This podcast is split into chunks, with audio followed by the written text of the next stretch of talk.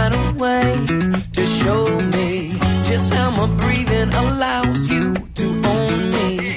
And if my life is in vain, well, you owe me everything that I once thought. Now I don't see. Ara parlem amb un home que es posa bambes per anar a treballar, per anar a un casament, per venir a fer una entrevista a la ràdio. Sempre em porta. Fa 10 anys va revolucionar el negoci de calçat esportiu fundat pel seu avi quan va decidir fer el salt al món de la moda. Ara, les Múnich, les mítiques bambes de la X, són una marca de referència que arriba a Itàlia, França, Anglaterra, Holanda, Alemanya, el Japó i un munt de països més. Avui ens acompanya en Xavier Berneda, que és director de màrqueting de Múnich i tercera generació de la família fundadora de l'empresa.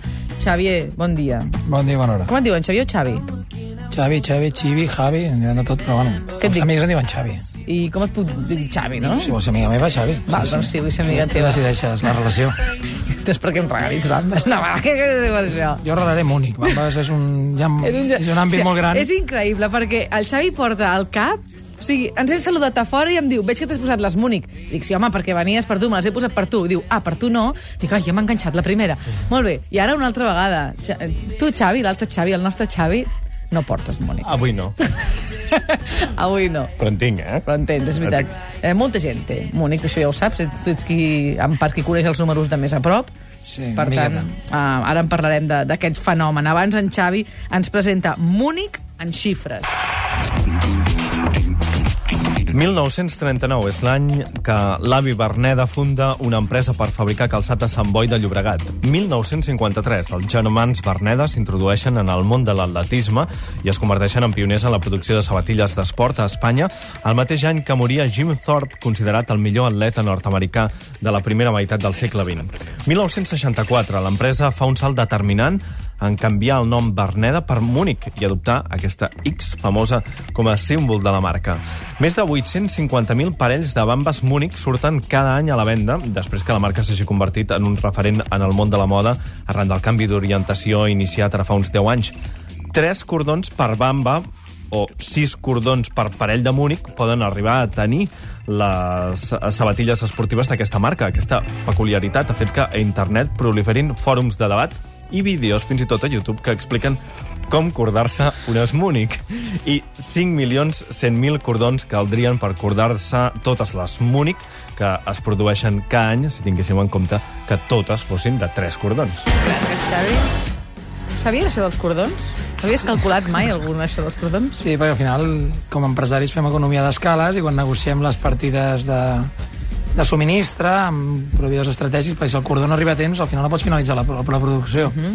I sí, sí, sí que ho sabem, perquè tenim un productor que passa dels 3 milions. I en part, eh, part d'aquesta marca és aquesta cosa de donar un parell o tres de cordons, o sigui, sis per parell. Jo crec que són moltes petites coses i detalls de cuidar el producte. Al final, venem un producte, no ens tenim que oblidar, no ens tenim que oblidar que som sabaters. No crec que, com diu un amic meu italià, tenim que intentar no volar massa, no? Intentar ten- tocar peus a terra i som industrials, som sabaters, fem producte i intentem des de l'avi que buscar un producte adequat per l'utilitat que té. Si és esport, intentar que el rendiment de l'esportista es millori, la comoditat, el confort, la durabilitat... Però estaràs d'acord que és difícil, no? A vegades tocar de peus de Múnich a terra, vols que ho diguem així? Sí. de peus a terra, perquè, ostres, què ha passat? No, de veritat, què ha passat en 10 anys? Bueno, doncs que hem transformat una companyia i que l'hem transformat en un equip de gent que són immillorables, que és l'equip de Múnich. Explica'm com va anar. O sigui, quin va ser el plantejament de dir, nois, hem de fer alguna cosa? Bueno, doncs mira, hi va haver un dia que ens vam donar compte que totes les produccions, eh, no ara que s'està parlant de Xina, uh -huh. totes les grans produccions estan en Orient, i vam començar a parametritzar tots aquells models de negoci, quan parlo del model, dic el model Acropol, el model Goa, el model, els que fossin, uh -huh. sí? I veure si eren rentables fer-los a casa o no. Ens donem compte que els models no són rentables, que l'empresa està en un punt eh, clau de que fa les paus i però no té un benefici per poder invertir a la companyia en publicitat, en màrqueting i decideix que també ha d'anar a Xina. Aleshores es dona compte que té una càrrega social de 50 famílies treballant en una fàbrica de, de, de Vilanova d'Espolla. És un poblet que recordo que té 72 persones en dret de vot que està a la Noia, al costat de Capellades que és on tenim les oficines. I tenim que buscar un model de negoci perquè aquesta gent ens ha fet arribar on, on estem. Ens ha donat de menjar a nosaltres com família i nosaltres a ells. Al final el treballador és un intercanvi de minuts no? tu, tu dones uns minuts a la ràdio eh, de la teva presència, de les teves hores del dia i a tu et donen uns diners. Uh -huh.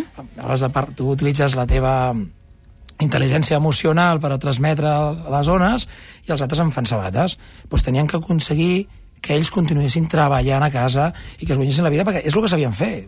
No hem d'oblidar que al món sabater no n'hi ha d'empreses de calçat a Catalunya. Està l'amic Rafa Castanyer, el Sa Castanyer, estem els de Múnich, i poc més. Està la Mirna Mates, que està al Poble Nou, som tres. No? I cada a la seva, a la seva dimensió, al seu món. I vam dir, busquem un model de negoci que puguem, en qualsevol moment, tenir un valor afegit. I vam pensar tres formats de negoci. Un va ser sabates hospital, perquè posa urgències, hi van molts amb esclops, i em sembla que no és del tot legal.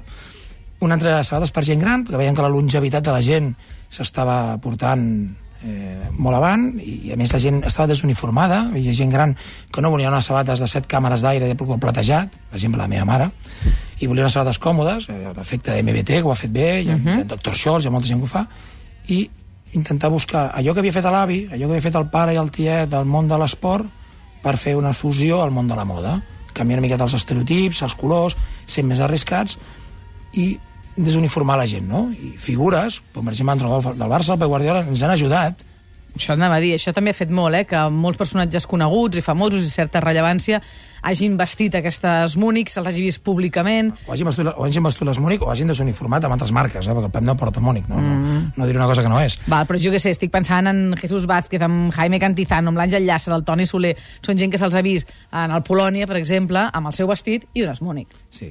Això també forma part de l'estratègia, suposo. L'estratègia després una estratègia de màrqueting, de celebrities, de, de product placement, no? portar producte als, als aparadors, que són les televisions, i d'intentar que aquests líders, no? que aquests líders li vagin comunicant que la marca és una miqueta cool. I aquesta desestructuració de la que parlaves tu és la que tu mateix apliques en la teva vida, que és que te'n vas a un casament, poses unes, músic de, unes músic de xarol, per exemple, com a anècdota. Mm, com a anècdota. És, és cert, no sé com saps, és cert. en discussions amb la meva dona és, és cert. No conec a la teva dona, eh, que consti, que no vull que hi hagi un problema familiar. No, no, no, eh? no, no. El problema és el dia del casament. bueno, va durar dies, la, la, la, la mala cara. No, però sí que és veritat que la, deixa'm utilitzar el genèric Bamba, la Bamba, sí, sí. sigui Múnich o sigui una altra marca, um, s'ha normalitzat, ja no és, no, evidentment no és només ni per fer esport, ni per anar vestit informal. Però, però crec que també nosaltres hem fet una llavor, de, a la Bamba no posar-li un nylon blanc amb una X de color blau. També l'hem fet de xarol, l'hem fet de teixit de, fió, de flors, l'hem fet amb colors estridents, l'hem fet amb, un, amb taxà. Heu donat la llibertat a, a l'usuari a fer la bamba que volgués. Bueno, amb, amb, amb, amb, amb projectes in, fora de moda, sí. Amb Money mm -hmm. My Way, per exemple, Exacte. hem donat el projecte que puguin fer i ens ajudin a nosaltres a poder eh, saber el que vindrà. No? Perquè tenim, nosaltres tenim un problema, nosaltres estem acabant la, la col·lecció del pròxim estiu ja. I no sabem el que s'ha No aquest, eh? El no, 2012. No, no. Aquest estiu està servit ja, es va servir el febrer, a les, botigues, estem acabant. De... Què es portarà aquest estiu? Eh, aquest estiu es tornarà a portar coses molt blanquetes, eh? Pensem tots que anirem molt de blanc, serà un altre cop el més vengut. Nosaltres, no tota la col·lecció és blanca, ni molt menys, però estem veient... Colors clarets, eh? Que és pastel, una altra vegada, allò grisós, no, no, blaus cels, no, clarets... Un blanc, un blanc trencat, eh? Blanc trencat. Vamos per blanco roto. Però, en canvi, quan ens imaginem unes Múnich, ens imaginem colors molt llampants, normalment. Sí, això, això, això és el més difícil. Això ara com ho farem? Ara tenim un problema o no? Bueno, clar, els clients ens diuen que estic venint la blanca, però Múnich és l'altre, no? Uh Mhm. -huh. Sí, bueno, nosaltres encara tenim una part de la col·lecció que som, som deixem transgressors, no?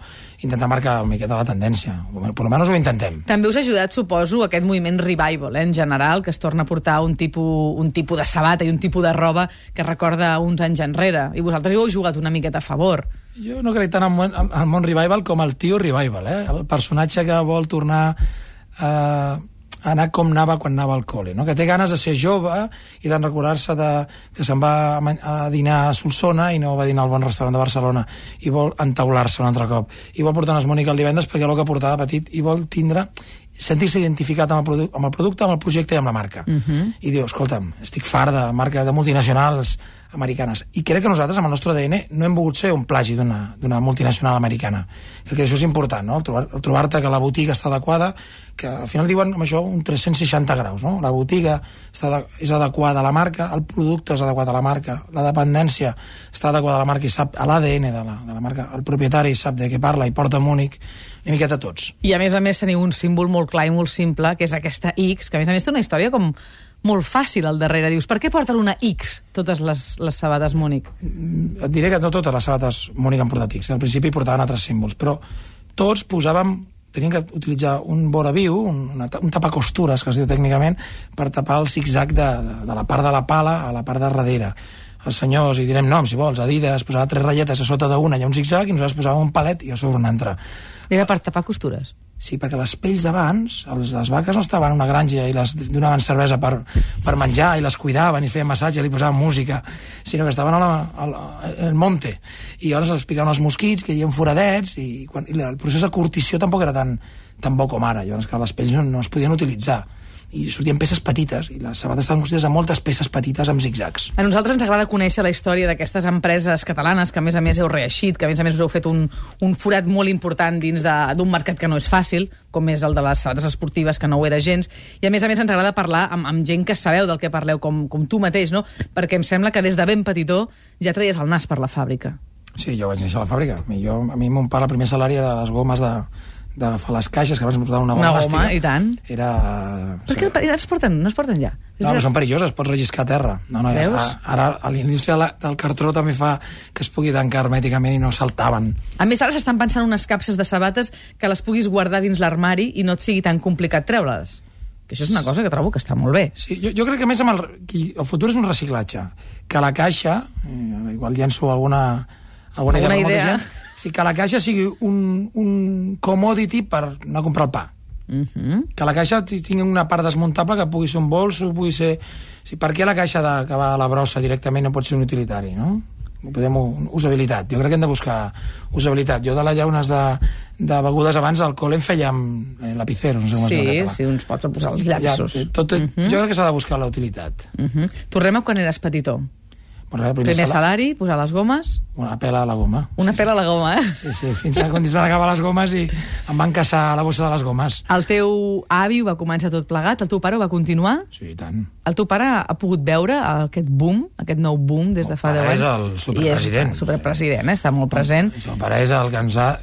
És el gran valedor del que ha succeït, ens ha deixat fer. Uh Mhm. -huh. Crec que moltes empreses familiars el gran problema, i és, ara està de moda que som todos ninis, sembla, no? que no sabem fer res, però també és que donin l'oportunitat a la gent perquè pugui, pugui desenvolupar-se.